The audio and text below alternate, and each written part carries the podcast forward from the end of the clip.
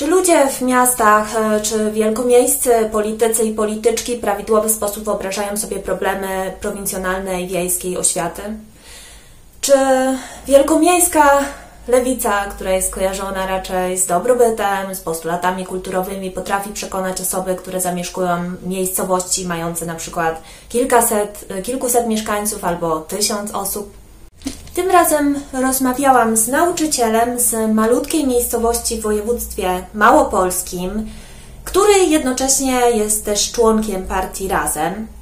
Pierwszą część poświęciliśmy zatem kwestii właśnie lewicy i tego, jak to się stało, że osoba, która mieszka na co dzień w bastionie PiSu, w takiej miejscowości, gdzie prawica wygrywa ponad 80%, gdzie na drugim miejscu nie jest wcale PO, tylko na przykład Konfederacja, raptem nie tylko zostaje wyborcą lewicy, ale też angażuje się w działania partyjne. Co prawda z przyczyn zawodowych nie pokazuje swojej twarzy, nie jest osobą medialną, ale wspiera ugrupowanie organizacyjnie, głosi dobrą nowinę programową e, dotyczącą właśnie lewicowych, lewicowych postulatów.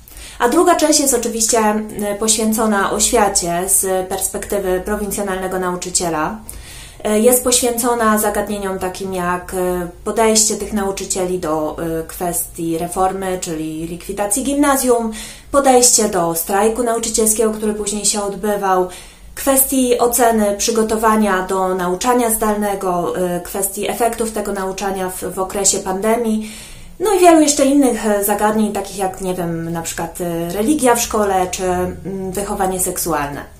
Tak więc e, zapraszam na rozmowę. Oczywiście na dole zamieszczę mniej więcej, który temat e, pojawia się w której minucie.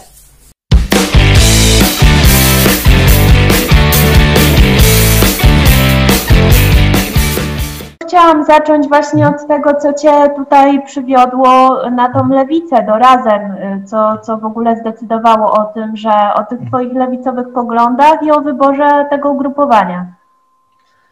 Jestem e, przeciwnikiem e, takiego darwinizmu społecznego. Ja właśnie obserwuję, to wynika z moich prywatnych doświadczeń i obserwacji, e, że to wcale nie jest tak, że, że chcącemu nie dzieje się krzywda, że każdy jest kowalem swojego losu. Mm, ja widzę, że no, no, dużo zależy, nie zależy od nas tak naprawdę. No, nie wybieramy sobie regionu, w którym się urodziliśmy, nie wybieramy sobie stanu zdrowia, nie wybieramy sobie jakiejś sytuacji rodzinnej. No, ja właśnie pracując, pracując z dziećmi czy z młodzieżą, no to nieraz e, widzę, że są takie przykre, rozdzierające serce gdzieś tam sytuacje, że, e, że na przykład ginie, ginie jeden rodzic, drugi rodzic czasami mam, pracuję na przykład z, z, z takimi sierotami, prawda, gdzie nie ma ani matki, ani ojca, gdzie jest jakaś choroba w rodzinie. No, naprawdę nie, nie wybieramy sobie e, pewnych rzeczy i nie mamy na nie wpływu. I y, stąd u mnie przekonania lewicowe, że no, wierzę, że państwo powinno te szanse wyrównywać, żeby niezależnie od okoliczności, na które nie mamy wpływu większego, każdy miał jednakową szansę gdzieś tam rozwoju, prawda? E, także stąd się, stąd się to u mnie głównie bierze. No wierzę w te instytucje też publiczne, że tak jak e, w wielu krajach e, na świecie instytucje publiczne powinny stać na straży tego, żeby się tutaj ludziom większa krzywda jakaś nie działa i że w razie jakichś e, niekorzystnych zdarzeń losowych powinny one istnieć, żeby, żeby udzielać jakiejś pomocy, chociażby medycznej, żeby każdy był w stanie, nie wiem, uzyskać pomoc niezależnie od stanu majątkowego. No, bo często tak e, jest e, po prostu, że jak, jak się wali komuś życie, no to na całego i to, no, to nawet nie ma tego, e, tego pieniądza na leczenie, prawda? I, i, I po to są nam instytucje publiczne, żeby w sytuacjach kryzysowych gdzieś tam tą pomocną dłoń ludziom podawać. Fajnie. No dobra, to może mm, bo ty też powiedziałeś, e, że mhm. właśnie twoim zdaniem to przekaz razem jednak nie dociera do tych mniejszych miejscowości. Mhm. No i właśnie dlaczego tak jest? Co właściwie miałeś na myśli? Czy jakoś to możesz rozwinąć? O co chodzi? Co z nami jest nie tak? Znaczy, no tu nie ma, tu nie ma prostej odpowiedzi. Tu jest, tu jest wiele czynników na pewno, które o tym decyduje. No to musimy pamiętać, że małe miejscowości, no to ludzie są słabiej może wykształceni, prawda? No ale to też nie potrzebują wykształcenia tutaj jakiegoś szczególnego, bo praca, którą się wykonuje w tej naszej Polsce B, no to są proste prace przeważnie, prawda? No i tutaj ten język jakiś, który, który jest kierowany ze strony lewicy, no to z kolei to jest język taki wysublimowany, bardzo często, no też wiemy, jak, jak ci liderzy partyjni nasi przemawiają, prawda, e, no ładnie mówią, prawda, pięknie, tylko że, e, że to, nie jest, to nie jest język tutaj dla prowincji, no. Tutaj e, bardziej by się przydał ktoś w stylu Andrzeja Lepera, który w tym tureckim tam sweterku wyjdzie z tą grzywką, prawda, i to jest, to jest taki swojak, prawda, on wygląda jak nasz, on mówi jak nasz, e, no to, to chodzi też o takie względy wizerunkowe, no. Także to by był, była jedna z przyczyn, ale to nie, to nie jest jedyna przyczyna, no bo e, tutaj można by się też było e, upatrywać takich, można było upatrywać takich przyczyn, że no tutaj inne opcje polityczne niż ten PiS e, miłościwie nam panujący, no to e, właściwie zdradziły tutaj trochę wieś i te małe miasteczka, dużo było obietnic niezrealizowanych, bez pokrycia. Jakiś, no, zwłaszcza podczas tam rządów liberałów, no to naprawdę ta wieś się zwijała tutaj w tempie ekspresowym. Po prostu prędkość likwidowania tutaj zakładów różnych i, i, i połączeń i instytucji, no to to była zatrważająca. No także po prostu no, no nie ma zaufania, nie ma zaufania tutaj do opcji, czy to lewicowych, no bo lewica też ma trochę tutaj, wiadomo, właściwie to spod znaku SLD też ma trochę grzechów różnych e, wobec e, prowincji. No nie ma zaufania. No, PiS, PiS tutaj akurat tym się może chlubić, że rzeczywiście coś obiecali i z tego się wywiązali. No, inne, inne opcje nie, nie, mogą, nie mogą tego niestety powiedzieć. No, także jest duża po prostu nieufność. Jest duża nieufność. No i co jeszcze? No, no silnie rozwinięty jest tutaj konserwatyzm e, z wielu powodów, więc jakieś tutaj progresywne, progresywne poglądy, no to, to nie bardzo padną na jakikolwiek grunt podatny. No, także, także tutaj bym się takich przyczyn. E, a co jest, e, a co no tak, a, ale co jest na przykład najgorzej odbierane, Twoim zdaniem, z tych naszych postulatów? No, wydaje mi się, że właśnie te światopoglądowe postulaty, no to są, to są bardzo źle odbierane, tak jak obserwuję i no dlaczego? No tutaj wiemy, że też silny wpływ Kościoła, wiemy, że ilość mediów i dostęp do informacji też jest ograniczony, no w większości te informacje są czerpane z rządowej telewizji, więc no, przekaz, jest, przekaz jest, jest dość jednoznaczny.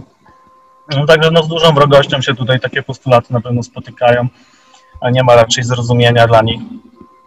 No i, no i, i, i właściwie... Mi, no właśnie, mhm. bo chciałam tak pociągnąć jeszcze ten temat, żeby to już też mieć trochę mhm. może tak. z głowy, czy, czy to jest tak, że ludzie są faktycznie tacy, no nie wiem, nietolerancyjni, czy to bardziej jest też propaganda, która idzie w kościołach, która teraz zmasowana y, właśnie w prawicowych mediach? Czy to nie jest jakoś im trochę też narzucone gdzieś? Nie wiem że, że jest trudno, trudno mi ocenić naprawdę. Wiesz co, trudno mi, trudno mi ocenić. Na pewno, na pewno, na pewno ta prawicowa propaganda taka e, konserwatywna, no to nie, nie jest bez wpływu, prawda? Natomiast mm, w jakim stopniu ludzie są, e, są e, no, jacyś tacy niechętni wobec mniejszości, na przykład, no to no, trudno mi ocenić, na ile to jest na ile to jest coś wrodzonego, na ile, na ile to są ludzie już tą propagandą po prostu zmienieni.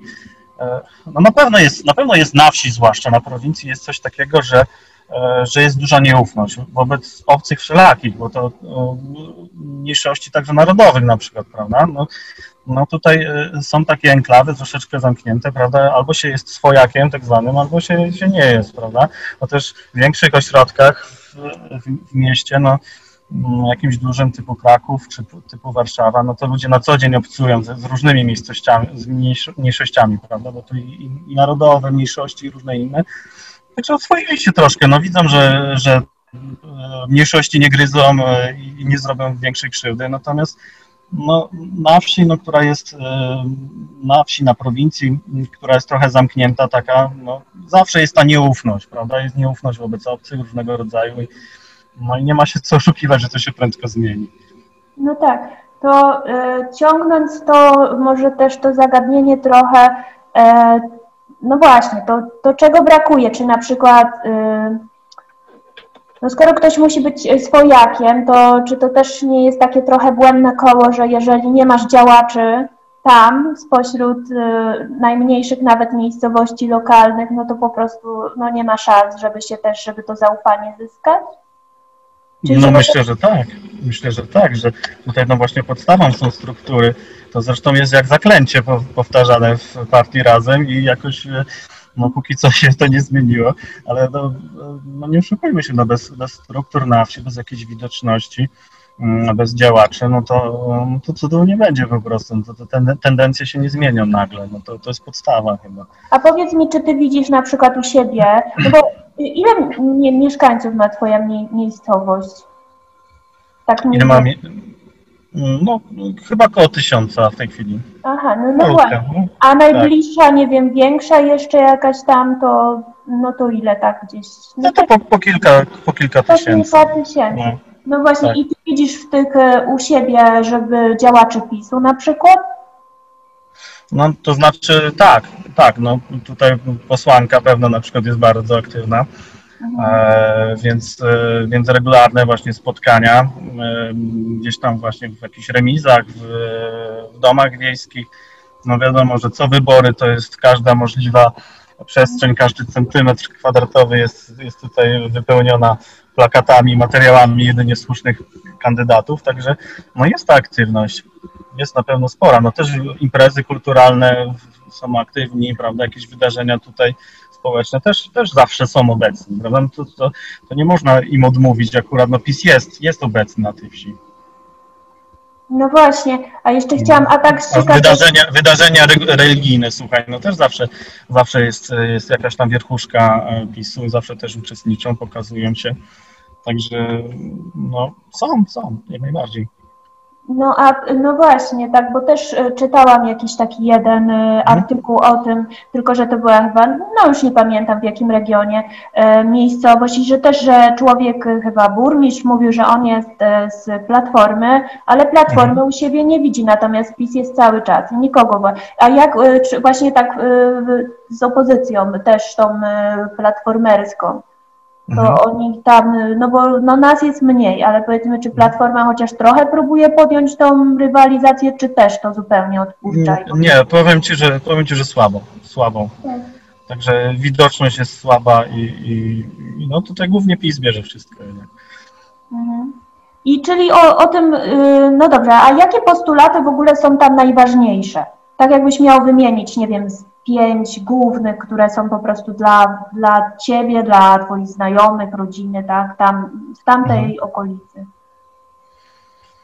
No to ja myślę, że ja tu będę troszkę odbiegał pewnie od, od moimi postulatami, no bo ja zauważam na przykład takie problemy jak e, transport publiczny, to jest dla mnie istotna sprawa.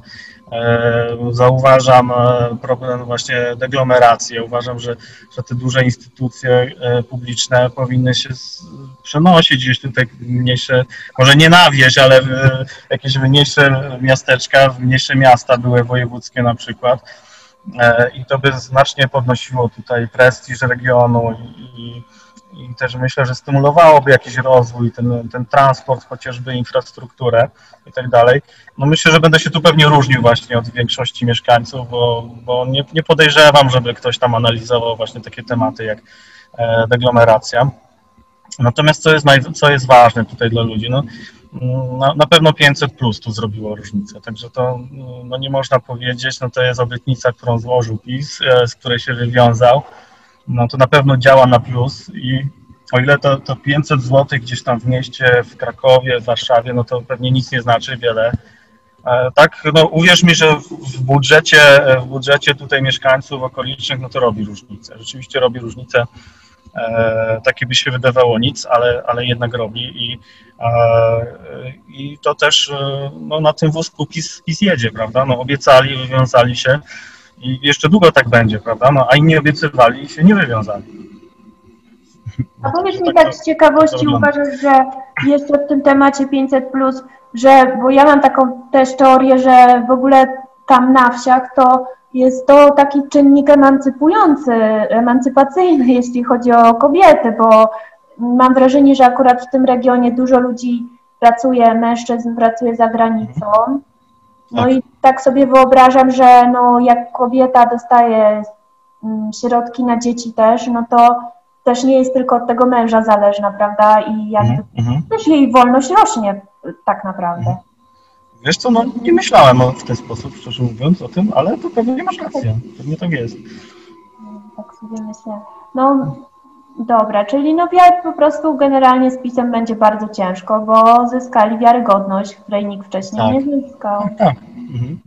Są widoczni, ponadto są obecni, prawda? No tutaj e, no pewnie trzeba byłoby też wspomnieć, że e, no, PiS ma przewagę też pewną e, medialną i finansową, prawda?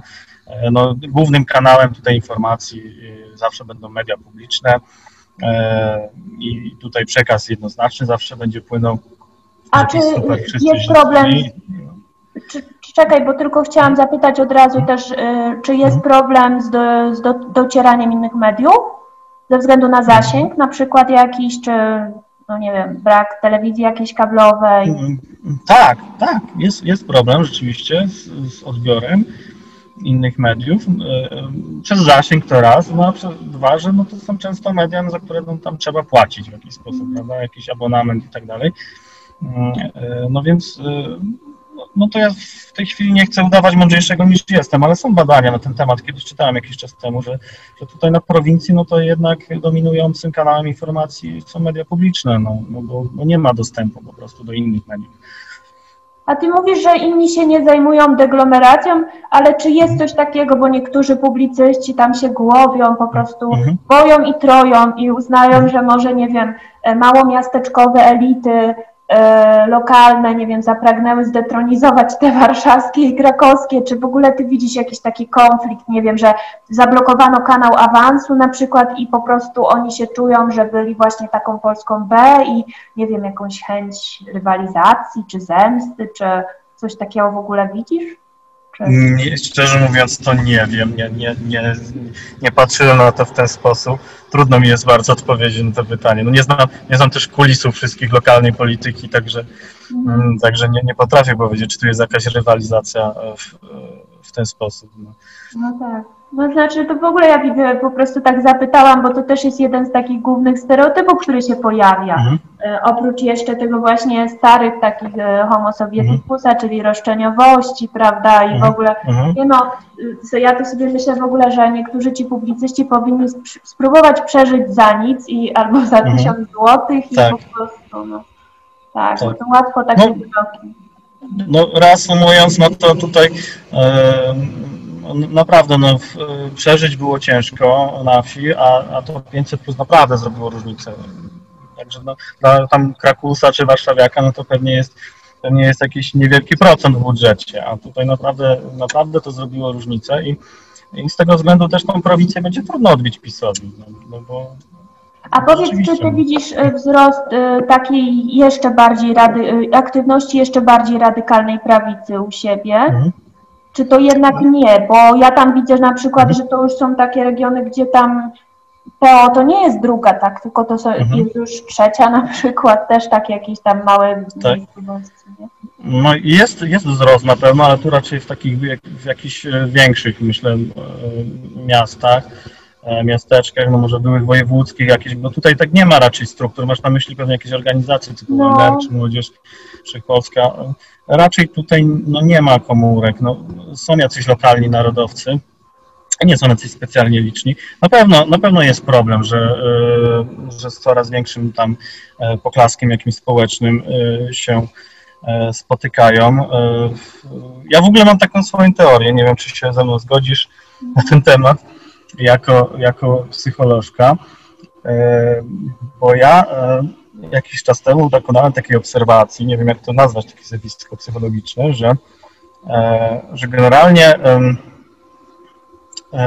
w ludziach naturalnie jest jakiś gniew, prawda? To nawet Maciek Konieczny ostatnio udzielał wywiadu i, i mówił, że on tam jako taki zbuntowany właśnie nastolatek, no to on miał potrzebę tam pójścia na stadion i z tymi właśnie kibelami gdzieś tam pokrzyczeć, porozrabiać i tak dalej.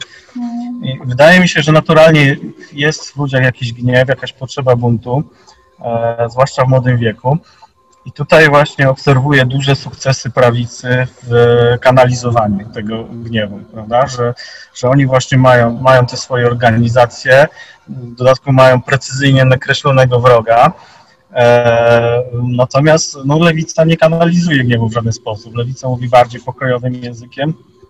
E, nie wiem, czy słusznie, czy niesłusznie. No, ale na pewno nie zagospodarowujemy, nie kanalizujemy e, tego gniewu, nie zagospodarowujemy w jakiś sposób tych osób, prawda?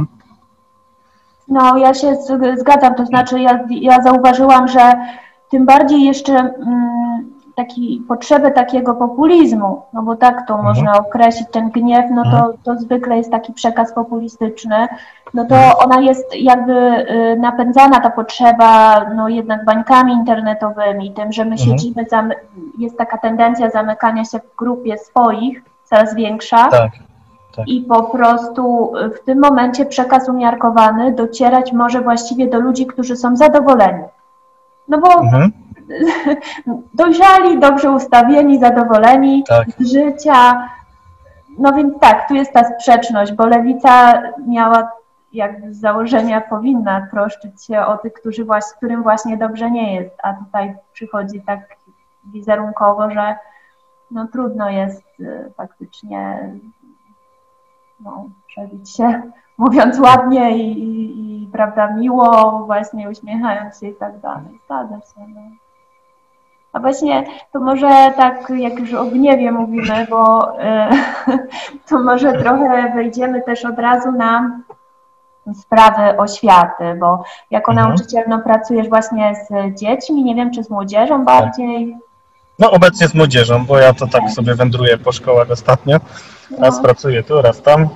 E, także ostatnio, ostatnio w szkole średniej a powiedz właśnie, jak te, jak te nastroje Unii, bo takie pytanie mi się mhm. pojawiło, że nie wiem, czy są jakieś, na, czym żyje w ogóle młodzież, jeśli chodzi o sprawy te społeczne? Czy w ogóle ich to obchodzi, a jeśli, nie wiem, czy coś Cię zaskoczyło, że myślałeś, że się tym nie zainteresują, a raptem ich to ruszyło, albo odwrotnie, że coś, mhm. y, no nie wiem, myślałeś, że ich powinno ruszać, a w sumie mają to w nosie na przykład. Wiesz co, no to jest tak, że właściwie no to taka młodzież, no to w wielu przypadkach ich poglądy, no to gdzieś tam kształtują się dopiero, ewoluują, prawda? No tutaj e, w odróżnieniu może od, od rodziców, no to ich głównym źródłem informacji jest internet, tak? Także tutaj na przykład memy internetowe są zawsze szeroko e, komentowane, nawet takie o zabarwieniu politycznym. I to jest, to jest takie, czy kanały YouTube jakieś, tak? No to jest podstawowe źródło informacji. No tym się, tym się różnią właśnie od swoich rodziców, którzy tam telewizję rządową włączą. Tutaj jednak internet ma, ma bardzo duże znaczenie. Rzeczywiście oni żyją w sieci e, i, i, tym się interesują.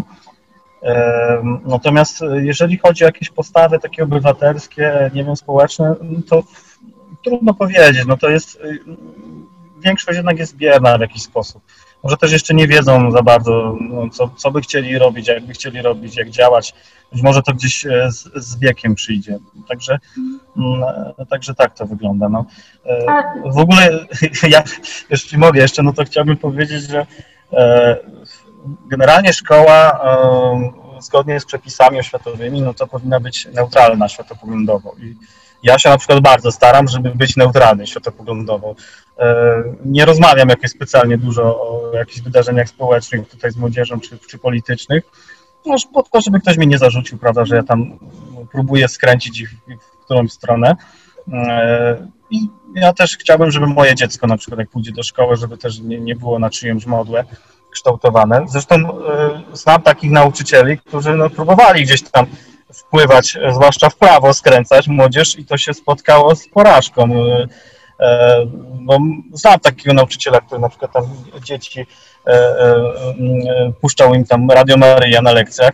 No to się spotkało ze skutkiem zupełnie odwrotnym do, do oczekiwanego, prawda, bo, bo no, młodzież ma to do siebie, że się buntuje, tak jak mówiliśmy, prawda, ma, ma w sobie ten gniew jakiś, mm, niezgodę e, e, na to, co jest narzucane i, i to wydaje mi się, że takie próbowanie w ogóle wpływanie na, na poglądy młodzieży, tak jak to PiS też teraz planuje, prawda, jakieś tam różne rzeczy, czy do programu nauczania wpuszczać, no to, to jest z góry moim zdaniem y, skazane na porażkę. Nic po prostu, co będzie narzucane, no to, to, to nie zakiełkuje moim zdaniem. Czyli dla nas lepiej, niech, niech oni próbują... Dla nas lepiej, oczywiście.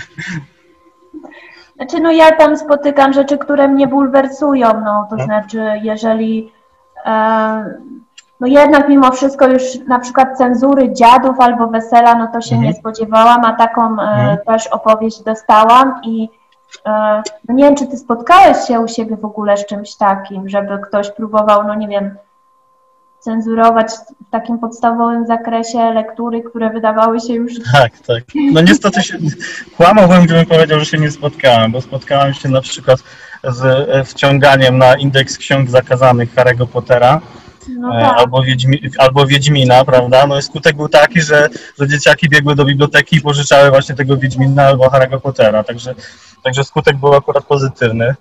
E, no tak jak mówię, no to, tego typu działania no to, są, e, to są tylko w, tym skutkują, że gdzieś tam zostaną obśmiane przez, przez młodzież. No taki nastolatek, no to już tam mniej więcej wie, czego chce i potrafi też, potrafi też rozpoznać, kiedy, kiedy ktoś go próbuje jakoś tam E, nie wiem, zmanipulować i, i tak dalej. No, no, także wydaje mi się, że, że to tak wygląda. A właśnie, bo jeszcze tam miałam takie, takie drobne pytanie dotyczące tego, bo y, młodzież jest raczej bierna, ale jeżeli chodzi w ogóle o akcje jakieś społeczne, jakieś zaangażowanie, to, to y, i u dorosłych, to mhm. jak to wygląda w ogóle u Was? Czy co wzbudza największe jakieś tam zaangażowanie, czy czy ludzie w ogóle się angażują właśnie, czy, czy nie. Znaczy jak to wygląda, jak to wygląda na prowincji, chciałabyś wiedzieć, tak? Tak, tak. E, no to nie, no to mm, też bym skłamał, gdybym powiedział, że się społecznie nic nie robi, mm, tylko, że tak, no to ma troszkę inny charakter niż na przykład w miastach, prawda, bo, bo w miastach no, na przykład znamy działalność tych różnych ruchów miejskich, prawda, które właściwie no przeważnie no to muszą występować przeciwko władzom lokalnych, no tutaj na wsi to wygląda inaczej z tego względu, że małe środowisko się wiąże z tym, że się nie jest anonimowym, prawda? I tutaj każdy jest w jakiś sposób zależny od kogoś. E, I nie da się tak otwartym tekstem wystąpić tutaj przeciwko burmistrzowi, przeciwko wójtowi e, i, tak dalej, czy, czy przeciwko sołtysowi nawet, nie? No, e, jednak ludzie tutaj są bardziej tacy spolegliwi wobec władzy, bo się boją po prostu. No. Nawet jak coś się tam nie podoba, no to prędzej machną ręką i przymkną to oko. Mm, także e, ta działalność tutaj wygląda inaczej niż, niż, niż w jakimś większym mieście, gdzieś po prostu jest anonimowym, prawda? I, albo gdzieś się pracuje w sektorze prywatnym, e, w związku z tym sobie można na więcej pozwolić, no bo e, tutaj jakiś lokalny włodarz nie ma przecież wpływu. A jak pracuje się w instytucjach publicznych, a wiemy, że takich miejsc pracy no to jest dużo, właśnie w instytucjach publicznych, w organach tam jakichś samorządowych, no to jest znaczący procent miejsc pracy w ogóle na prowincji, to są tego typu miejsca pracy. No to tutaj już, e, no mówiąc tak kolokwialnie, no to, to, to nikt nie, nie, nie chce za bardzo fikać, podskakiwać, bo mm, e, ze względu na ten strach, prawda? No, natomiast jak wyglądają działania społeczne mm, na wsi? No działają dosyć prężnie tutaj jakieś szkoła gospodyń na przykład, prawda, jakieś zbiórki charytatywne się często odbywają. Jakieś e, festyny, no, dożynki, tego typu wydarzenia. Krew, prawda, oddają bardzo chętnie mieszkańcy, strażacy, służby i tak dalej. No także tak, tak to wygląda mniej więcej.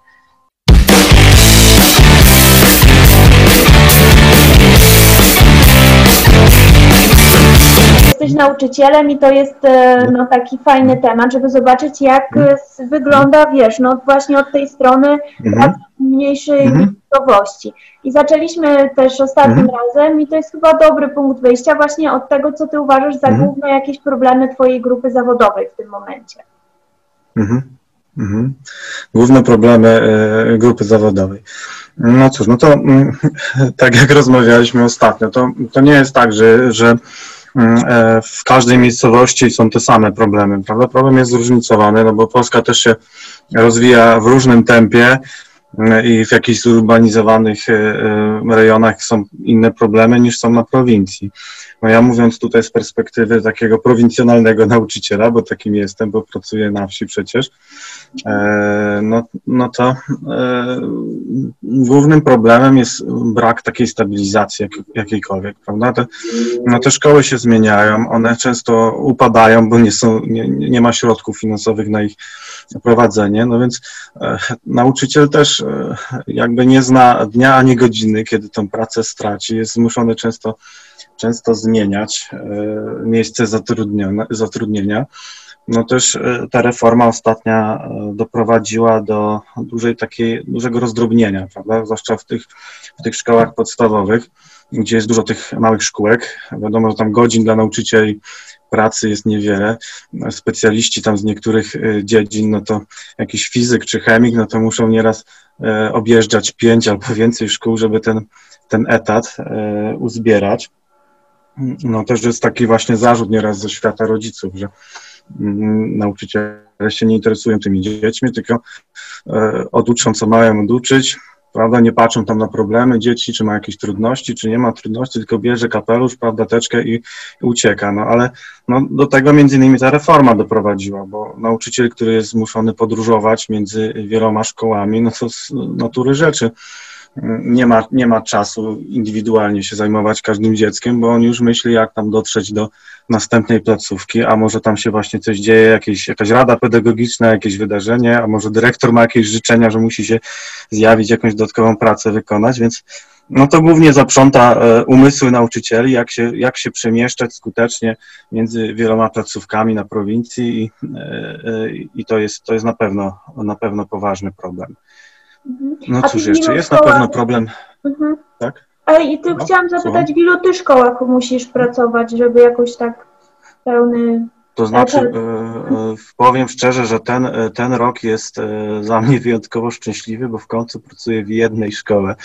Natomiast jest to moja piąta szkoła, piąte moje miejsce pracy. No, właśnie z tych powodów, o których mówiłem, byłem zmuszony często zmieniać. No, maksymalnie mi się zdarzyło w trzech szkołach naraz pracować. Mhm prawda? Więc, e, więc z takich właśnie powodów, żeby ten etat gdzieś tam uzbierać, no to musiałem między trzema szkołami się e, przemieszczać. No, w, no, w ubiegłym roku w ogóle straciłem pracę z powodu cięć, e, z powodu no, marnej, marnej demografii, mm, tego, że tam samorząd ma ograniczone środki na otwieranie, otwieranie klas. I no, trochę zostałem zmuszony, a trochę podjąłem taką decyzję, że muszę się ze szkołą jedną pożegnać i, e, i znalazłem zatrudnienie w innej. No ale no koniec końców, koniec końców, no chyba na dobre mi to wyszło.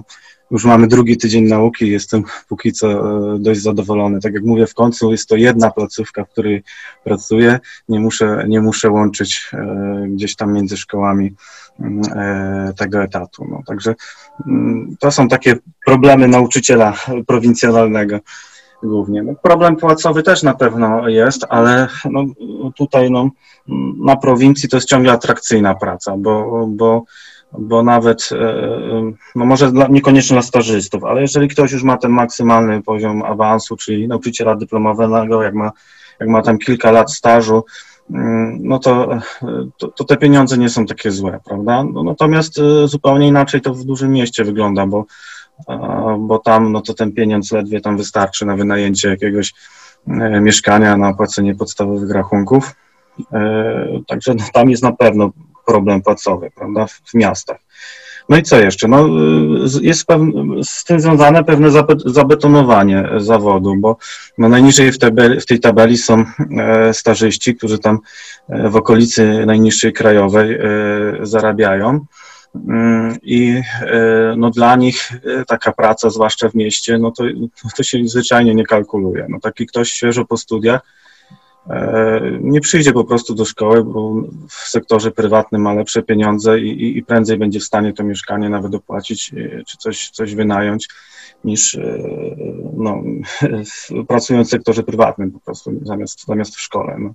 Mm, także no to rodzi takie zabetonowanie właśnie zawodu, że młodzi nie, nie za bardzo do tej pracy lgną, właśnie z, z, powodów płacowych, prawda?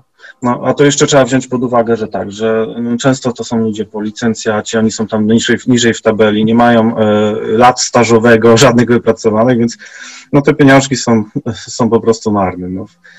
Tak to wygląda w dużym skrócie. Rozumiem, ale macie jakieś niedobory? Coś, co jeszcze chciałem powiedzieć. Aha, no. jeśli, jeśli jeszcze mogę dopowiedzieć, to ostatnio właśnie rozmawialiśmy, jeszcze poruszyliśmy ten problem, że samorządy są, e, no nie mają środków wystarczających na prowadzenie tych szkół i, i z tym się wiąże też dużo problemów, bo no nieraz jest tak, to samorządowcy często podnoszą, że e, ta subwencja, no to tam wystarczy na opłacenie plus minus 50% kosztów prowadzenia szkoły, Resztę musi z własnych funduszy samorząd e, wykładać. No, ministerstwo ma taką taktykę, że, e, że no, daje różne podwyżki i tak dalej nauczycielom, tylko nie zapewnia na nie środków. I, mm, i w związku z tym no, samorząd jest zobowiązany wyciągać to z własnej kieszeni. Teraz jeszcze w, w dobie e, pandemii no to ma problemy z zapewnieniem tej płynności finansowej. No i skutek jest taki, że no właśnie musi albo ciąć no, najczęściej ciąć, no bo, no, bo skąd na prowincji mają się wziąć mm, e, jakieś większe pieniądze? Z podatków nie ma, więc najczęściej są to cięcia różnego rodzaju. Są to na przykład łączenia klas, że w małych szkołach gdzieś tam wiejskich się klasy uczą razem, czwarta, piąta, powiedzmy szósta klasa. Mm, tak dawniej było właśnie jeszcze w tej sześciostopniowej, e, no to część przedmiotów razem, no albo są to takie już brudne zagrania, opowiadałem właśnie ostatnio, sąsiednia gmina na przykład oszczędza w ten sposób, że zatrudnia nauczyciela tylko na 10 miesięcy, wtedy kiedy jest nauka, od września do czerwca, no na wakacje nauczyciel nie jest zatrudniony. No, można ciągnąć, prawda, do pewnego etapu, bo tam kodeks pracy zdaje się, że no, trzy, trzy umowy, prawda, u jednego pracodawcy, no potem już musi być na stałe. No ale ile się uda zaoszczędzić przez te e, trzy lata, no to, to tyle zostaje tam w kasie, e, w kasie samorządowej. No, także, a dawniej jeszcze, e, dawniej jeszcze, kiedy mm, e, no, poprzednia opcja sprawowała władzę, no to e, był jeszcze taki kruczek prawny. W przepisach się znajdowała możliwość przekazywania dość, dosyć łatwego szkół prywatnym, prywatnym podmiotom, fundacjom, prawda? Więc nieraz jakaś tam biedniejsza gmina, no tak było zresztą tutaj w mojej okolicy, w przypadku kilku szkół, biedniejsza gmina na przykład robiła takiego słupa, jakąś fundację taką, E, i przekazywali, przekazywali tą szkołę fundacji. No, fundacja miała, e, miała tą przewagę, że mogła e, nie, nie zatrudniać nauczycieli w oparciu o kartę nauczyciela, tylko kodeks pracy. No. no więc tam jeżeli etat nauczycielski wynosi 18 godzin, to to na przykład taki nauczyciel mógł wylądować teoretycznie na 18-40, czyli poniżej, poniżej połówki zatrudnienia, no to można było mu znacznie, znacznie mniej zapłacić. Także takie różne, różne tutaj kruczki są stosowane, no ale to wynika właśnie z tego, że brakuje generalnie środków. Jest, oświata jest bardzo niedofinansowana na prowincji. No i ci samorządowcy kombinują jak mogą, żeby, żeby jakoś ten koniec z końcem e, związać. No to pewnie na zajęcia jakieś dodatkowe tym bardziej nie ma, nie? Na jakieś, bo też słyszałam ostatnio, że są na jakichś w domach kultury, mhm. gdzie ewentualnie mhm. odbywały się to mhm. lekcje dodatkowe, no to tego to się raczej likwiduje, tak? Czy, e, tak, tak. No to jakiś płatnych, no te zajęcia dodatkowe są e, no, społecznie prowadzone, jeżeli mhm. są. E, to są społecznie prowadzone, także no nie ma na to jakichś dodatkowych środków. Jest nawet mm, wiele szkół na przykład rezygnuje z prowadzenia jakiejś pomocy takiej szerszej, psychologiczno-pedagogicznej, mimo że to jest obowiązek ustawowy, no ale rezygnują po prostu, bo nie ma środków. Tam kurator, jest na przykład taka śmieszna zabawa w kotka i myszkę, bo tam kuratorium na przykład opiniuje e, takie arkusze organizacyjne negatywnie, no ale one i tak są realizowane, bo nie ma pieniędzy, więc, więc nie ma. No, mhm. Także tak, tak to wygląda. No, jest to obowiązek ustawowy, ale z racji braku środków nie są, nie są na przykład wprowadzone takie zajęcia. A wielu rodziców u Was, nie wiem, rezygnuje z publicznej oświaty i próbuje jakoś posłać dzieci do do prywatnych placówek, czy w ogóle tego jest sporo gdzieś w okolicy Twojej miejscowości, czy też raczej nie ma w ogóle wyboru? Nie, nie, to na, na prowincji prywatne, prywatne e, placówki raczej nie istnieją. No, jed, no jedynie takie niepubliczne, no to właśnie te prowadzone e, przez, przez fundacje, takie, takie właśnie tam gdzieś podstawione w celach oszczędności fundacje, ale to też, e, tak jak mówię, no to, to, było, to było popularne kilka lat temu. Jeszcze w tej chwili no to te szkoły albo jakoś tak z przyczyn naturalnych się rozwiązały, albo po prostu już nikt nie chciał pracować w, z kadry w takiej szkole. No to no, no, także to, to raczej nie przetrwało. Na, na prowincji raczej nie ma. Jedyna opcja to są publiczne szkoły. No tutaj, A w ogóle jak oceniasz właśnie, właśnie prywatne? Mhm. A gęstość tak? jakby, bo wiesz, mówisz, że w sumie jeżeli chodzi o, że szkoły się likwidują, e, czyli te dzieci, które mhm. są, to muszą pewnie coraz dalej dojeżdżać. No bo tak, y, mhm. jest, jak, jak to wygląda z Twojej perspektywy? Czy to jest mhm. wystarczająca ilość, czy, mhm. czy, czy to powinno być gęściej jakoś roz, rozmieszczone, czy to... Nie, nie, wiesz co, mm, prawda jest taka, no, że tutaj prowincja się depo, depopuluje, to rzeczywiście ubywa tych dzieci z roku na rok, więc tutaj zwiększanie ilości, no to w takiej sytuacji, no to nie ma, nie ma rzeczywiście uzasadnienia, żeby zwiększać tutaj gęstość szkół. E, te małe szkółki wiejskie, no to, to, to nieraz właśnie do takich paradoksów dochodzi, że tam mm, e, w klasie jest właśnie po kilkoro dzieci, E, no, wiadomo, no, zwłaszcza te podstawówki, no to w jakiś sposób muszą być utrzymane, no bo takie małe dziecko, no to nie wsiądzie w autobus, gdzieś tam nie dojedzie. E, no właśnie dlatego dosyć sensowny był ten trzystopniowy podział, prawda, na etapy edukacyjne, no bo taka podstawówka była ograniczona właśnie organizacyjnie, że ona ona tam nie ciągnęła przez 8 lat takie dzieci, tylko one tyle, ile musiały tam przez te 6 lat, y, dopóki jakiejś samodzielności nie nabiorą, no to chodziły właśnie do takiej małej szkółki wiejskiej. No potem mogły trafić gdzieś do, do większego ośrodka, także w tym, w tym był sens. No, tak jak właśnie ostatnio rozmawialiśmy, to, to miało swoje uzasadnienie ten podział.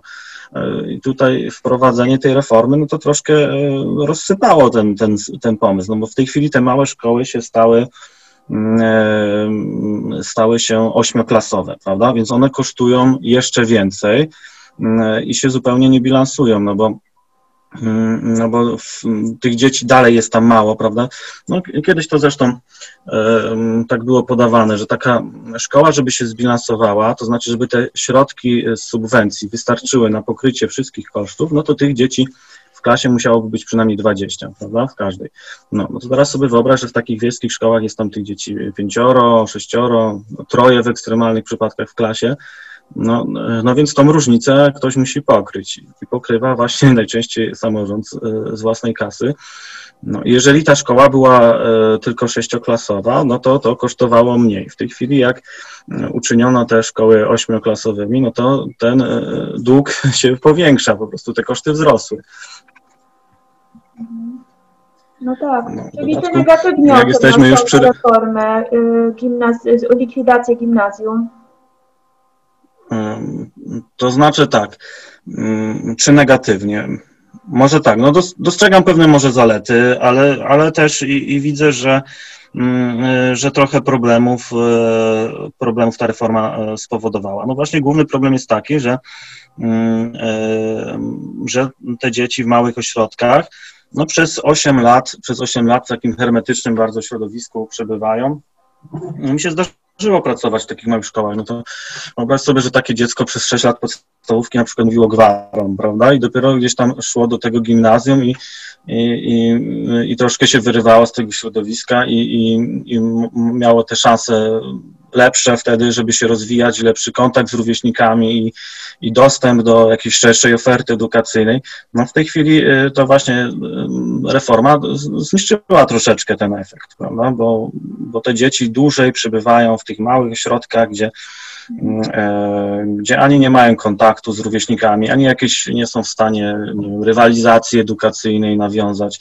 No wyobraźmy sobie na przykład, że jest tam na tej wsi jakiś uzdolniony sportowiec, nie wiem, siatkarz na przykład i to w tej chwili nie zmyślam, bo to jest e, przykład autentyczny, że, e, że na przykład e, znam, znam takiego właśnie z małej miejscowości ucznia, który tam duże sukcesy siatkarskie odniósł po tym, jak przeszedł do, do większego ośrodka, większej szkoły.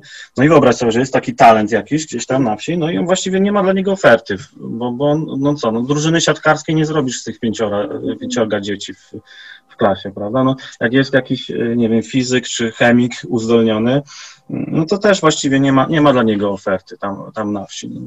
Także no, żeby ta, to wyrównywanie szans y, działało, to no, na pewnym etapie edukacyjnym y, być może, że dobrym właśnie pomysłem było, że po tych sześciu latach, no to dziecko musi gdzieś iść dalej, prawda? Musi gdzieś iść dalej, zobaczyć jak ten świat wygląda. Wiesz, to czekaj, bo a jakie problemy były hmm. z tymi tak? gimnazjami? Bo jednak mówisz, że pewne problemy występowały hmm. tam. No, no, tak, no były pewne problemy. E, no tutaj e, no, obrońcy gimnazjum będą mówić na przykład, że, że wzrósł tam średni poziom e, umiejętności, prawda, bo te testy PISA tak wykazały. No rzeczywiście, testy, testy PISA wychodzą fajnie w tych gimnazjach. Mm, pewnie rzeczywiście ten średni poziom wzrósł. Natomiast wydaje mi się, że mniej, mniej właśnie mm, generalnie jakbyśmy tak popatrzyli, no to mniej takich jest e, sukcesów jakichś edukacyjnych, prawda, bo, bo troszkę trzeba tam właśnie było równać do, do tej średniej w tych gimnazjach. Mm, e, tu wydaje mi się problem, problem polegał na tym, że e, nauczyliśmy bardzo dobrze dzieci testy rozwiązywać. Bardzo duże w tym systemie poprzednim bardzo duży nacisk na testy, prawda? Więc testy po sześciu, sześciu latach podstawówki, potem testy gimnazjalne. No rzeczywiście nauczyliśmy te dzieci rozwiązywać testy, prawda? No ale testy to jeszcze nie jest wszystko. No, no także e, gorzej pewnie by było z jakimś praktycznym wykorzystaniem wiedzy i tak dalej. No to rzeczywiście były problemy. Wydaje mi się, że główny problem się rodził stąd, że w założeniach tej reformy oryginalnej AWS-u, no to gimnazja miały być samodzielnymi szkołami, prawda? I miały, miały mieć też zróżnicowaną ofertę dla różnych uczniów, dla, e, dla ucznia zdolnego, nie wiem, dla sportowca jakiegoś e, i, i tak dalej, i tak dalej. Ta oferta powinna być zróżnicowana. Natomiast e, stało się tak, że wiele po prostu szkół podstawowych tam e, rozbudowało się odrobinę, gdzieś tam e, wygospodarowali jakieś miejsce, utworzyli gimnazjum, więc, więc te gimnazja stały się troszkę przedłużeniem podstawówki, moim zdaniem, prawda, więc no, tak samo no, mm, gdzieś tam w okolicy mm, istnieje powiedzmy jedno gimnazjum. I niezależnie jakie tam ktoś ma uzdolnienia czy preferencje, no to trafia do tego samego gimnazjum, więc, więc też następuje to jakieś zrównanie, to uśrednienie, a założenie było takie, że oferta tych gimnazjów miała być różnorodna, prawda, dla różnych typów e, uczniów, no i to troszeczkę też e, wzięło w łeb, prawda? Ale ja, ja jestem zdania, że ten system był do obronienia, że że można było uzdrowić te gimnazja i, i po prostu e, te rzeczy, które nie działały, można było naprawić. Natomiast samo założenie e, wydaje mi się było trafne, bo, bo właśnie jednym z celów tego systemu było wyrównywanie szans, wyrównywanie szans tych, e, uczniów z tych mniejszych miejscowości i, i wydaje mi się, że, że to założenie w jakimś stopniu tam było realizowane. Mhm. No tak na wszystko. A jeszcze mm, może zanim zrobimy taką maleńką przerwę, bo ja spróbuję zapisać, żeby nam nic nie, nie uciekło. No, dobrze. To jeszcze chciałam zapytać, ale może jeszcze zapytam, czy w takim razie mhm. protestowaliście właśnie y, po tym, mhm. jak tą deformę tak zwaną mhm. zaplanowali, tak? I jak to wyglądały te strajki tak. nauczycielskie u Was? Tak, protestowaliśmy. No i wbrew pozorom mm, wszyscy pamiętają ten e, strajk nauczycieli, kiedy szkoły stanęły, no ale to nie był pierwszy protest, bo tam głosy oddolne były od dłuższego czasu. No był, był e, duży protest pod ministerstwem, e, pamiętam w Warszawie, byłem osobiście tam E, gdzie zostaliśmy w ogóle zignorowani przez, przez, przez panią minister. E, ani nie wyszła porozmawiać, ani nie odniosła się w żaden sposób. Jeszcze jakieś takie szkalujące, szkalujące materiały wieczorem wiadomości e, wyemitowały. Także no to było, to było no takie no przykre trochę też, no bo tam o jakieś absurdalne rzeczy oskarżono tych nauczycieli, że tam flagę jakąś sprofanowali, no potem się okazało, że to, no bo, bo był taki happening, prawda, że tam e, usypywano taki kopiec właśnie z, z złożony z, z, emblematów tych likwidowanych gimnazjów, z kredy, tam z, z flag związkowych. No i gdzieś tam kamera TVP e, wyłapała, że rzekomo tam właśnie w, tym, w tej kupie takiej śmieci leży e, polska, polska flaga, więc oskarżono wtedy nauczycieli o sprofanowanie tej flagi, a potem szczegółowe zdjęcia gdzieś tam na Twitterze wykazało, że to żadna polska flaga, tylko to jest jakiś, jakiś tam właśnie emblema, emblemat związkowy, jakiś ZNP, po prostu gdzieś tam się rzeczywiście poniewierał. No ale no, było mnóstwo tego w telewizji publicznej, jakichś oskarżeń i tak dalej. E, no potem się odbył ten protest e, w szkołach nauczycieli. No tak jak ostatnio rozmawialiśmy. Ja też byłem jednym z protestujących. Główny zarzut i odbiór społeczny był taki, no, że tam chodzi tutaj o kasę.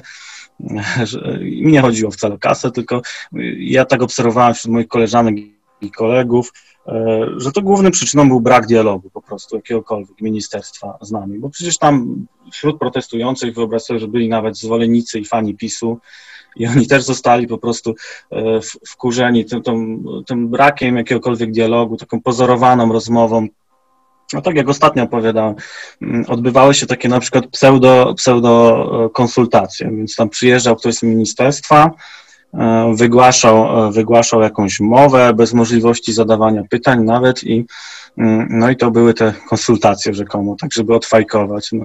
Także to nic, niczemu nie, nie, służyło. No, nikt nie wysłuchał tutaj głosu ani nauczycieli, ani rodziców, e, no nikogo. Po prostu ministerstwo twardą ręką realizuje tutaj jakąś reformę bez, bez porozumienia z kimkolwiek, ale gorszą rzeczą jest to, że bez oparcia w jakichś badaniach, faktach. No, są instytucje, które prowadzą badania edukacyjne, które są w stanie dość precyzyjnie e, wskazać, co w systemie nie domaga, jakie kierunki powinny zostać obrane i, i nie bierze tego nikt pod uwagę, tylko, tylko właściwie ta reforma jest e, tak przeprowadzona dla widzimy się, żeby coś udowodnić, że możemy, prawda? I to jest takie najgorsze. No to jest oburzające, że, że nikt nie porozmawiał z ludźmi, nie wytłumaczył, prawda, nie uwzględnił jakichś postulatów, jakichś wniosków, nie wypracowano wspólnych stanowisk, tylko, tylko, tylko właśnie odbyła się ta reforma i, i cześć, prawda? No przy okazji strajku też w tej Radzie Dialogu Społecznego też się odbywały jakieś rzekomo konsultacje, które miały doprowadzić do jakiegoś kompromisu, a to wyglądało tak, że, że wychodziło właśnie tam, wychodzi, wychodzili wysłannicy ministerstwa i zamiast, zamiast proponować jakikolwiek kompromis, to oni składali groźby coraz to kolejne, co oni zrobią, e, co oni zrobią z tymi nauczycielami. No, to ta, tak to wyglądało mniej więcej. Tak wygląda właśnie w wydaniu, w wydaniu tutaj nam miłościwie panujących dialog społeczny. Rozmawialiśmy o tym e, wcześniej, czy mhm. jak odebrali w ogóle to, no, czy to nauczyciele u Was uznali za jakieś takie upokarzające, czy osoby zaczęły właśnie odchodzić z zawodu, no mhm. bo też była taka mowa, że, że tak się mhm. dzieje, że, że... Tak, tak, tak. No, e, tak, no rzeczywiście media tutaj się rozpisywały, że, e, że nauczyciele odchodzą z zawodu. Mi się wydawało, że to głównie będzie gdzieś tam w większych właśnie ośrodkach, gdzie, gdzie jest ten problem płacowy. Mm, e, no a tak jak mówiliśmy na wsi, to może, może on nie jest aż tak widoczny, e, ale bardzo się zaskoczyłem, bo właśnie w mojej okolicy, w najbliższych szkołach e, też, też zaczęli nauczyciele odchodzić. Może nie jakoś masowo, ale pojedyncze przypadki właśnie znam odejścia zawodu właśnie ze względu na, na sposób interakcji właśnie z władzami e, ze względu na, na, na te problemy e, ze stabilizacją jakąkolwiek w tym zawodzie. No i teraz jeszcze w dodatku do tego doszła ta pandemia, gdzie też jest duże rozgoryczenie właśnie e, w środowisku z tego, jak ze swojej roli się ministerstwo wywiązywało, no więc to wszystko do kupy a sprawia, że rzeczywiście te odejścia, te odejścia z zawodu są.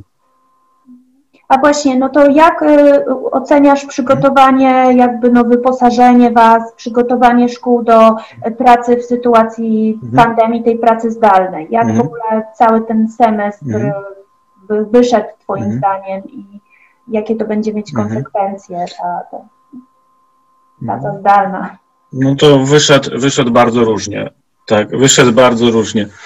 E, są szkoły, które jako tako sobie poradziły z tym, jakoś wyszły obronną ręką, no, chociaż na pewno też z jakąś stratą dla, dla uczniów, no bo nie da się przez tą kamerkę, przez tego, ten komunikator e, przeprowadzić takiej stuprocentowej lekcji, ale no jakąś tam namiastkę były w stanie zorganizować. Natomiast wiele szkół sobie nie poradziło z różnych powodów, być może z, powodów, z powodu kierownictwa, być może z powodów jakichś, nie wiem, e, innych. E, no sporo dzieci gdzieś tam zniknęło z systemu, prawda, z jakichś rodzin dysfunkcyjnych, zwłaszcza no nie mając warunków tam do nauki, być może, że, że nie mając kogoś, kto by przypilnował, no to, no to one z tego systemu poznikały. E, rolę ministerstwa oceniam bardzo, bardzo negatywnie, no bo w mojej ocenie był okres, taki prosperity, że tak powiem, e, kiedy nic się nie działo, kiedy, ta,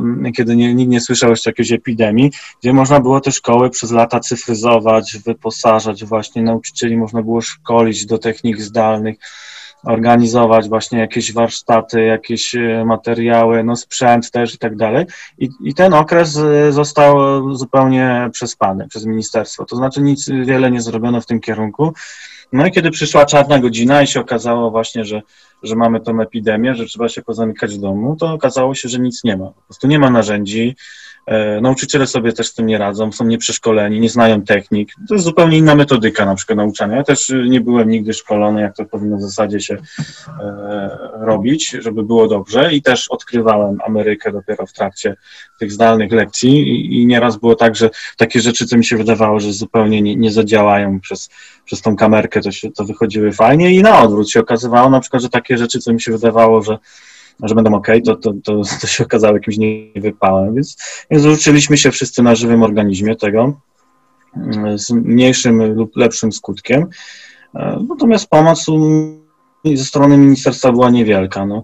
E, tak jak ostatnio podawałem przykład, na przykład jeżeli chodzi o dziennik elektroniczny, no to e, wiele szkół w Polsce, nie potrafię powiedzieć jaki procent, ale wiele szkół po prostu nie jest wyposażona w ten dziennik. E, tym bardziej, że to jest rozwiązanie komercyjne, bo nie ma, nie ma na przykład państwowych rozwiązań tego typu, e, żeby szkoła sobie mogła przejść na, e, na tego typu rozwiązania. Mm, tylko są firmy komercyjne, dwie zwłaszcza się w tym specjalizują. No dość dobre te usługi świadczą, owszem, to nie można powiedzieć, natomiast jest to, jest to usługa płatna, za to się jakiś tam pieniądz płaci. E, natomiast no, tutaj dobrze zorganizowane, sprawne ministerstwo, no to powinno szkołę po prostu w narzędzia wyposażyć, no, e, opracować i, wyposażyć. E, też a wydaje mi się trochę takie... A jak taki, jeszcze tu no. od razu zapytam, a uczniowie, uczennice, jak z ich wyposażeniem też? No bo mimo wszystko właśnie też no. jestem ciekawa jak od tej strony, czy jednak ludzie mhm.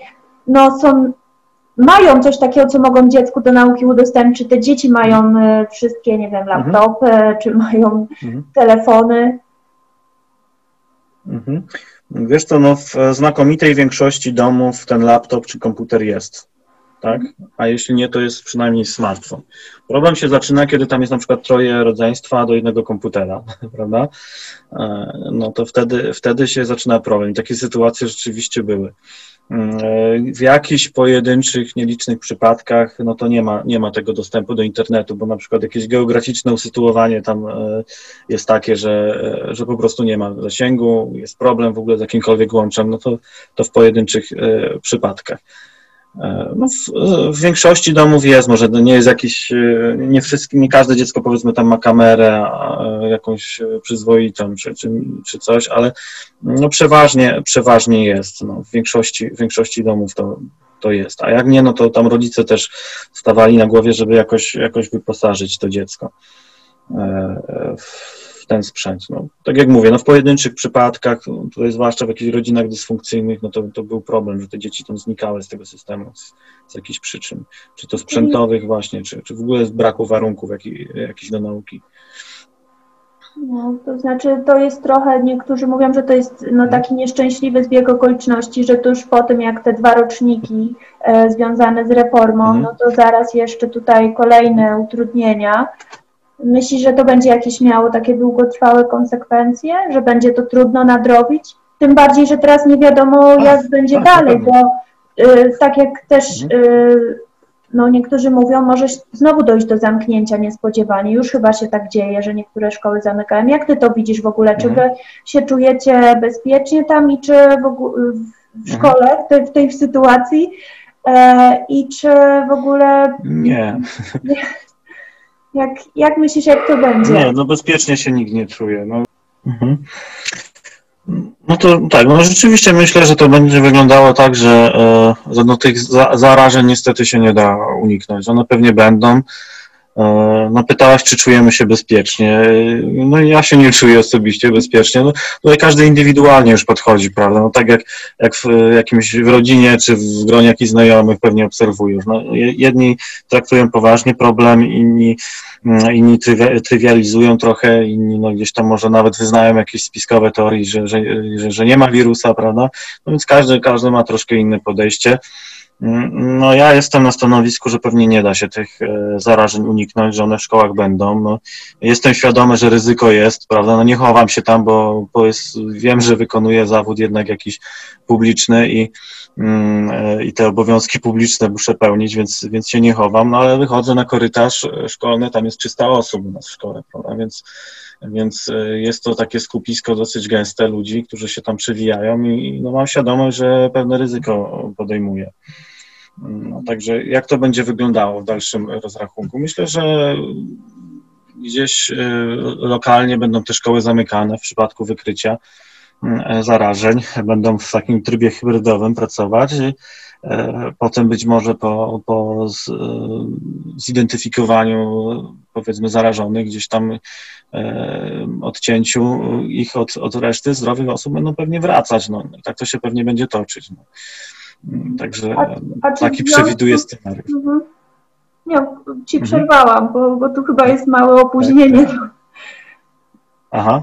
Nie, no dobra, to może zapytam jeszcze, no, czy w związku z tą e, pandemią widzisz jakieś takie, nie wiem, kwestie programowe, które należałoby zmodyfikować? Czy w ogóle z tego, co ty mhm. obserwujesz, e, to ten program faktycznie, który mamy, to przygotowuje młodzież do życia, czy też nie wiem, czegoś jest za dużo, za mhm. mało, jak to w tym momencie wygląda, bo politycy to mówią mhm. jedno, prawda, inaczej w praktyce. Mhm. Mhm. No, znaczy tak, no ja się nie czuję kompetentny, żeby oceniać tu programy, z, zwłaszcza z innych przedmiotów niż sam nau, nauczam. czy, czy przygotowuję? No na pewno mm, dostrzegam problem, e, problem różnych e, nacisków i akcentów no, na przykład to, że tej e, religii jest stosunkowo dużo w stosunku do innych przedmiotów, prawdopodobnie mm, potrzebniejszych, no bo jeżeli, jeżeli mamy taką sytuację, że przez, przez całą podstawówkę i szkołę średnią jest dwie godziny religii na przykład, a, mm, a tylko w niektórych tam e, klasach jest e, E, jakaś informatyka rozszerzona z godzin dodatkowych dyrektorskich, prawda? Bo tam informatyki jest powiedzmy godzina w tygodniu, fizyki też w niektórych klasach tylko zdaje się, że tam od, od siódmej, ósmej, prawda, w podstawówce fizyka czy chemia, więc tych przedmiotów wydaje mi się ważnych, mm, ścisłych jest, jest mało, prawda, e, natomiast e, jest generalnie jest dużo nauki, prawda? Tych, tych godzin jest, dzieci spędzają stosunkowo dużo czasu w tej szkole, prawda? Tylko, że być może, że można byłoby te akcenty inaczej rozłożyć troszeczkę, e, kosztem właśnie na przykład takiej religii, e, żeby więcej było, więcej tej ścisłej nauki. No jeżeli chcemy mieć społeczeństwo jakieś oparte e, na wiedzy, tak jak na przykład uwielbiani przeze mnie Finowie mówią, że mamy gospodarkę opartą na wiedzy. No więc gdybyśmy my chcieli mieć rzeczywiście jakieś nowoczesne startupy, firmy i tak dalej, no to nie może być tak, że, e, że te akcenty są położone w ten sposób, prawda, że, że tam nauka ścisła jest e, ignorowana, jest w, w gorszej pozycji w stosunku tam do, do innych przedmiotów. Także no nie, nie czuję się kompetentny oceniać e, programy z poszczególnych e, przedmiotów, natomiast ja osobiście uważam, że te akcenty można byłoby inaczej rozłożyć. Rozumiem, a czy to jest tak, że mm, może, może inaczej jeszcze. Mhm. mhm. A jak w ocenie w ogóle młodzieży to, to wygląda Twoim mhm. zdaniem? Czy to jest tak, bo czasami mhm. też się pojawiają takie głosy, że ta młodzież no już ten postęp technologiczny jest duży, a my uczymy tradycyjnymi mhm. właśnie metodami na pamięć, to jest bez sensu, mhm. bo oni to wszystko znajdują w wyszukiwarce, więc nie wiem, czy mhm. masz takie poczucie, mhm. że oni się w szkole nudzą, czy też y, mhm. to jakoś odpowiada właśnie z ich perspektywy na wyzwanie. Mhm. Wiesz co, jako ktoś, kto uczył we wszystkich typach szkół, to y, z pewnością jest taki problem w podstawówce, prawda, że mm, y, rzeczywiście, no trochę jest, mm, trochę jest tak, że, mm, że się nudzą, że, że jest duża niechęć do, do tej nauki, no bo co innego już jest potem w szkole średniej, oni sobie jakby sami podejmują decyzję, co chcą, mniej więcej wybierają sobie tam jakiś profil, więc to już jest ich decyzja, na co ma tam być nacisk głównie e, położony, natomiast tutaj rzeczywiście, jeżeli oni są w podstawówce przez 8 lat, no często też e, no są tam rzeczy, które powiedzmy ich nie interesują, no to rzeczywiście tak może być to odbierane, że, mm, e, że na czymś się nudzą, czy czegoś nie chcą. Czy to, e, za duży jest nacisk na tradycyjne metody? No pewnie tak, pewnie, pewnie masz rację, no bo jak popatrzymy na te najlepsze systemy edukacyjne, ten, te nordyckie, zwłaszcza fiński, to tam jest y, dużo większy nacisk na praktyczne jakieś wykorzystanie wiedzy, na, na te metody projektów i tak dalej. No, u nas to ciągle troszkę tak e, raczkuje. No. Ale no tutaj też y, rola jakaś ministerstwa, prawda, bo nauczyciel przychodzi, tylko ma zrealizować mm, to, ten program, który gdzieś tam otrzymał z góry. Mm, no, także y, tutaj jest duża rola e, ministerstwa, żeby ten, ten może sposób nauczania troszkę unowocześnić, zmienić i tak dalej. No. Nauczyciel dostaje treści, ma je zrealizować. No. A powiedz mi, jak postulat e, przeniesienia religii właśnie ze szkoły do kościoła e, jest oceniany przez mhm. rodziców właśnie w, u Ciebie w mniejszej miejscowości? Czy to, bo ja się spotkałam z, z takimi opiniami, że dla nich to jest mhm. jednak kłopotliwe, bo dzieci musiały bardzo daleko dojeżdżać i jest to po prostu mhm. trudne albo niemożliwe nawet. Mhm. Wiesz co, nie sądowałem, nie potrafię powiedzieć, jakby to wyglądało, nie wiem, jakoś procentowo na przykład, jakie, jakie, są, jakie są nastroje wśród rodziców. No, e, jak byłem wychowawcą jeszcze, no to kilka sytuacji mnie e, zaskoczyło, bo rzeczywiście e, zdarzały się wypisywania z religii przez rodziców, dzieci, no, w takiej małej miejscowości to zawsze jest e, no, niespotykana sytuacja, bo jednak większość, większość tutaj uczęszcza i tak dalej, więc zdarzały się takie pojedyncze e, sytuacje w rodzinach nawet takich wierzących bardzo, dla których ta, ta religia jest ważna. No, tym niemniej no, e, była jakaś taka właśnie niezgoda na to, żeby ta religia w systemie e, szkolnym funkcjonowała. Także pewnie, pewnie znalazłyby się osoby, które e, rzeczywiście by popierały taki postulat przeniesienia przedmiotu do salek katechetycznych. Nie potrafię powiedzieć, czy to większość, czy mniejszość, czy pół na pół. Po prostu no, nie mam takich danych, nie mam takiej, takiej wiedzy. Mhm. A w szkołach e, średnich, bo czasami się mówi, że w dużych miastach to już są mhm. takie szkoły, gdzie e, nikt nie chodzi mhm. i tej religii nie ma. A jak to u Was tak. wygląda? No, ciągle większość jednak uczęszcza. Są jakieś pojedyncze przypadki, że, że rzeczywiście e, e, wypisują się z jakichś powodów, natomiast ciągle większość, myślę, uczęszcza na, na religię. No bo w ogóle to Natomiast jest, jest, jest czasami taki kłopot, że ta religia jest e, w środku dnia gdzieś tam umieszczona w planie lekcji, prawda?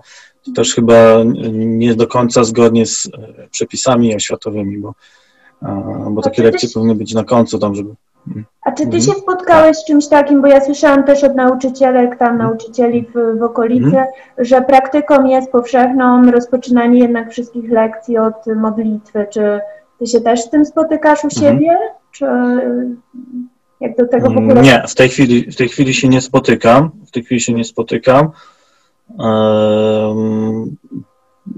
Nie, raczej, raczej nie. Pracowałem kiedyś w takiej maleńkiej szkole, gdzie rzeczywiście mm, były na przykład jakieś wspólne wyjścia na mszę świętą e, w trakcie lekcji, e, tam z okazji jakichś wydarzeń, rocznic i tak dalej. E, natomiast nie, nie, nie, nie ma czegoś takiego, żebyśmy lekcje zaczynali od modlitwy, także to modlitwa na religii raczej tak odbywa się, natomiast na innych przedmiotach to chociaż tyle dobrego, bo to, bo mnie to trochę przeraziło, jak to usłyszałam, a kilka osób mi to potwierdziło, że to jednak, no to już taki terror by był trochę wobec y, mhm. osób, które miałyby jakiekolwiek wątpliwości.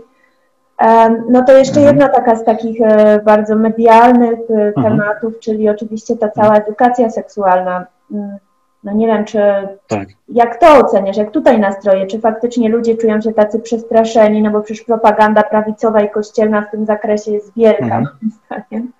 E, I czy... No ja właśnie, ja właśnie myślę, że gdyby nie ja myślę, że gdyby nie, nie te naciski medialne i różne inne, to, to pewnie rodzice by przychylniejszym okiem patrzyli na, na edukację seksualną, natomiast e, pewnie jest jakaś niechęć, jest, jest obawa.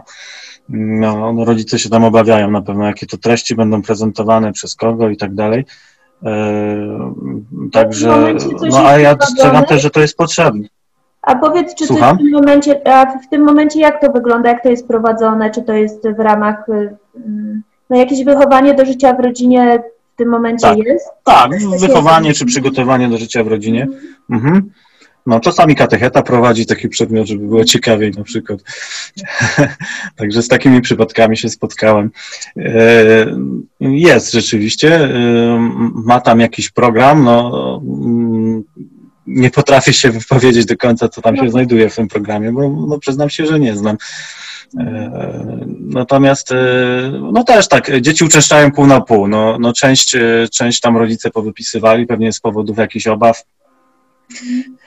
a część uczęszcza, także, także to wygląda, tak to wygląda. No, natomiast ja, ja jeszcze pracując w podstawówce, mm, no to z, ja dostrzegam z tego względu, E, potrzebę jakiegoś takiego nauczania, e, kształcenia w tym zakresie, że po prostu dzieci się edukują same. No jak im się nie zapewni edukacji jakiejś rzetelnej, to się edukują same i to się edukują po prostu najczęściej z internetu.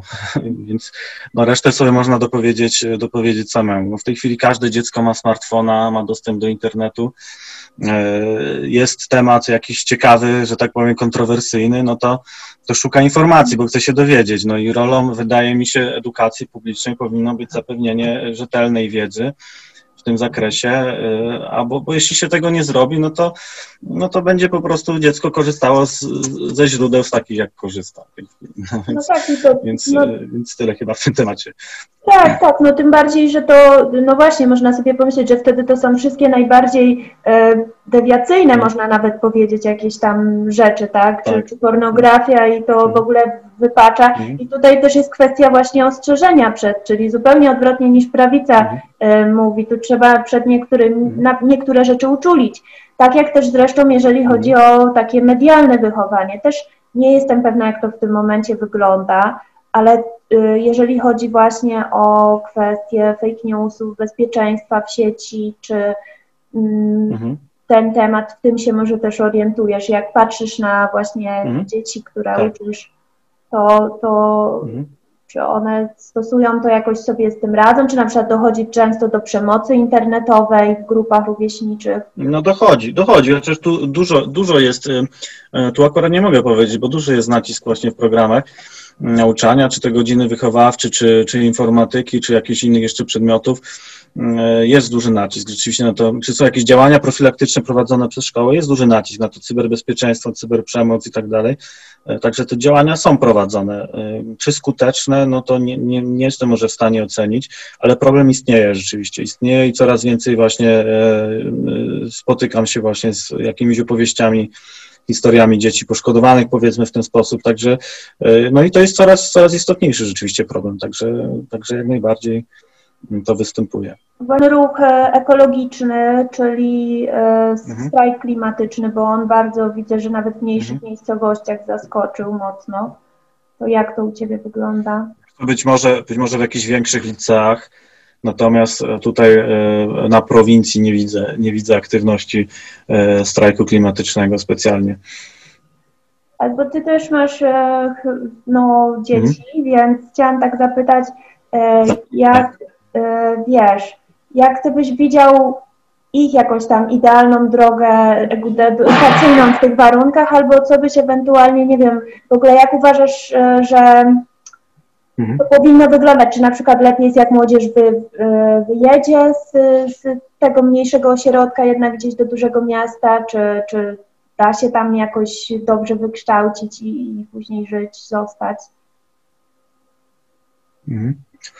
To znaczy tak, no ja na przykład nie chciałbym, żeby moje dziecko musiało wyjeżdżać, prawda? Chciałbym, żeby ta edukacja e, e, była w e, różnych rejonach Polski równie dobra, prawda? No do tego chyba lewica powinna właśnie dążyć. Takim nadrzędnym celem lewicy jest wyrównywanie szans, żeby to dziecko właśnie tam w małej miejscowości miało równie dobry start, równie dobre opcje jak, jak dziecko w, w dużym mieście. Więc to, to by była dla mnie, to by był dla mnie idealny model jakby moje dziecko nie musiało wyjeżdżać, bo rzeczywiście tak jest na wsi tutaj, że no właściwie każdy absolwent, absolwentka liceum, liceum, no to planuje studia, prawda? Jak planuje studia, no to wyjeżdżam, tak? Kończy tam jakiś kierunek, no i okazuje się, że e, chcąc pracować w swoim zawodzie, no to musi w tym mieście zostać, bo, bo na prowincji nie ma, nie ma pracy dla ludzi z wyższym wykształceniem, Tutaj jedynie jeszcze w jakichś instytucjach publicznych trochę tej pracy jest, ale generalnie no to większość pracuje w jakichś takich branżach albo fizycznie, albo w jakichś niewymagających jakichś szczególnych kwalifikacji mm, e, branżach, no w budownictwie, znaczy może to źle zabrzmi, że nie wymagających kwalifikacji, ale nie pracy umysłowej w każdym razie, prawda, bo, bo budownictwo wymaga akurat kwalifikacji, ale, ale no tej pracy umysłowej w każdym razie nie ma, prawda, więc, e, więc dla ludzi po studiach no to, to nie ma tutaj specjalnie szans rozwoju. No, natomiast e, ja bym, ja osobiście nie zdecydowałem się na migrację do większego miasta, chociaż studiowałem, prawda, i, i miałem też szansę podjąć pracę, bo ja generalnie jestem człowiekiem ze wsi e, i tutaj jest mi dobrze i, i, i po prostu nie lubię jakichś e, dużych dużego stężenia ludzi na, na metr kwadratowy. Dla mnie miasto jest zatłoczone, jest brudne także ja, e, mimo że posiadałem opcję nawet na emigrację za granicę, no to, to nie zdecydowałem się, bo, e, bo jednak postanowiłem tutaj wrócić. No było takie zderzenie właśnie z rzeczywistością, że tej pracy, mm, tej pracy nie ma za bardzo po, po studiach. Mm, dlatego też no, podjąłem pracę w szkole, mimo że nie planowałem. Nie planowałem, ale no taka akurat się nadarzyła E, sytuacja, no i okazuje się, że już kilkanaście lat w tej szkole pracuję, w różnych właściwie szkołach, mimo że to było trochę wbrew moim pierwotnym planom, no i też y, no nie chciałbym, żeby, żeby byli młodzi ludzie zmuszani, prawda, to jest troszkę takie przykre tutaj, y, jak się obserwuje, jak ta prowincja się depopuluje. Tyle, tyle właśnie znakomitych różnych umysłów tutaj y, wsiada w ten autobus właściwie do tego Krakowa czy do jakiejś Warszawy i już nigdy nie wróci, prawda, i wyjeżdżają i coraz mniej jest nas na tej wsi i, i, i, i tak wygląda to mało optymistycznie. A powiedz, czy jak patrzysz w takim układzie na jakiś hmm? taki rozwój, nie wiem, może no, no nie w, na wsi, ale w mniejszych miejscowościach, y, właśnie jakichś PWSZ-ów, tych szkół wyższych zawodowych, czy uważasz, że tu by mhm. było warto na przykład przenosić niektóre wydziały do, może z, z większych ośrodków do tych mniejszych, mhm. żeby to jakoś rozłożyć mhm. równomiernie? Tak. Mhm. Tak? Czy... tak, tak. Tak, no ja w ogóle jestem du dużym fanem e, deglomeracji, czyli właśnie przenoszenia e, no nie tylko może ośrodków naukowych, e, ale przenoszenia w ogóle instytucji publicznych do mniejszych miejscowości. No, to, co brakuje na prowincji, to są właśnie wysokiej jakości jakieś miejsca pracy, prawda? Bo to, to nie jest sztuka zrobić jakąś tutaj strefę ekonomiczną, tak, tak to się nazywa, strefę ekonomiczną, które robią tutaj samorządy, prawda, gdzie nie płacą firmy podatków, no więc przyjeżdża sobie jakaś taka firma, e, często z kapitałem zagranicznym, tutaj jakiś stawia byle jaki barak, gdzie ludzie ciężko tyrają fizycznie, no a w momencie, jak im się przestaje opłacać, bo nagle, nagle się okazuje, że trzeba jakiś podatek płacić, e, że to ten okres, e, gdzie samorząd tam przychylnym okiem płaci, patrzył na Mm, i nie pobierał żadnych opłat, to się kończy. No i w momencie, kiedy się okazuje, że, że trzeba płacić, no to ten barak jest rozmontowywany i przenoszony do, e, do innej strefy gospodarczej w innym, e, w innym miejscu. No to taka praca nie jest wartościowa dla, dla regionu. Żeby praca była wartościowa, no to musi być to właśnie praca wysokiej jakości, związana właśnie z, być może z jakimś z jakąś nowocześniejszą technologią, gdzie, gdzie mogliby miejsce znaleźć ludzie, po studiach, no to to by było wartościowe dla regionu, to by było stymulujące i, i pewnie by mm, ci ludzie zostawali tutaj, nie musieli emigrować y, i, być tak. może ta infrastruktura by ruszyła, jakaś transportowa tutaj. Także no, no brakuje widzisz, tej pracy właśnie wartościowej. Mhm. No widzisz, mhm. no, no Prawo i Sprawiedliwość przymierzało się do przenoszenia niektórych urzędów, na razie to stanęło, bo ludzie, tak. wydaje mi się, że tu jest taki problem, że mm, po prostu nikt nie chce później przyjechać i jednak nie chce się, nie wiem, cofnąć z jakiejś Warszawy czy tam z Krakowa gdzieś do mhm. mniejszej miejscowości, a znowu całkowicie mhm. od zera stworzyć to też nie jest y, takie możliwe często. Mhm. Na przykład spotkałam się z tym w przypadku tego miasteczka nowosądeckiego, y, które wybudowano za ciężkie pieniądze i to właśnie to była dla mnie taka no, jakaś wizja, żeby natomiast wybudow- okazało się, że no dobrze, no nawet znajdą ludzi, żeby ich tam zatrudnić, ale nie ma, nikt tam nie chce jakby y, realizować tych swoich projektów, bo na przykład jest trudno dojechać, e, no, mhm. no i, i to się, błędne koło się zamyka po prostu, czyli no trzeba by naprawdę dużo pieniędzy w to włożyć y, i pracy przede wszystkim, a nie mhm. jakieś fikcyjnej, tak jak tutaj to miało miejsce, żeby Mm, skłonić ludzi do przeniesienia się, żeby to wszystko rozruszać. Ale mi się też wydaje, że warto mhm. było to zrobić, tak? No na razie. Mhm. No ale słuchaj, mi się trochę nie chce wierzyć rzeczywiście, że to tak jest, bo po pierwsze są przykłady z zagranicy, gdzie, e, gdzie ta deglomeracja odniosła sukces, gdzie różne ośrodki, tam na przykład prawne, jakieś e, trybunały ulokowano w mniejszych miejscowościach i one z powodzeniem tam funkcjonują.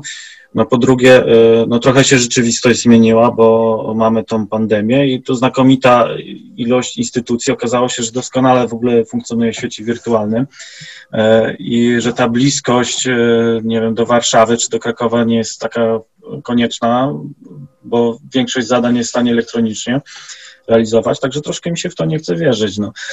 Tutaj też e, mieszkańcy właśnie tych mm, dużych miejscowości narzekają z kolei, że im jest za ciasno, prawda, że nie ma miejsc parkingowych, prawda, że za dużo tych wszystkich instytucji i tak dalej że ciężko się żyje.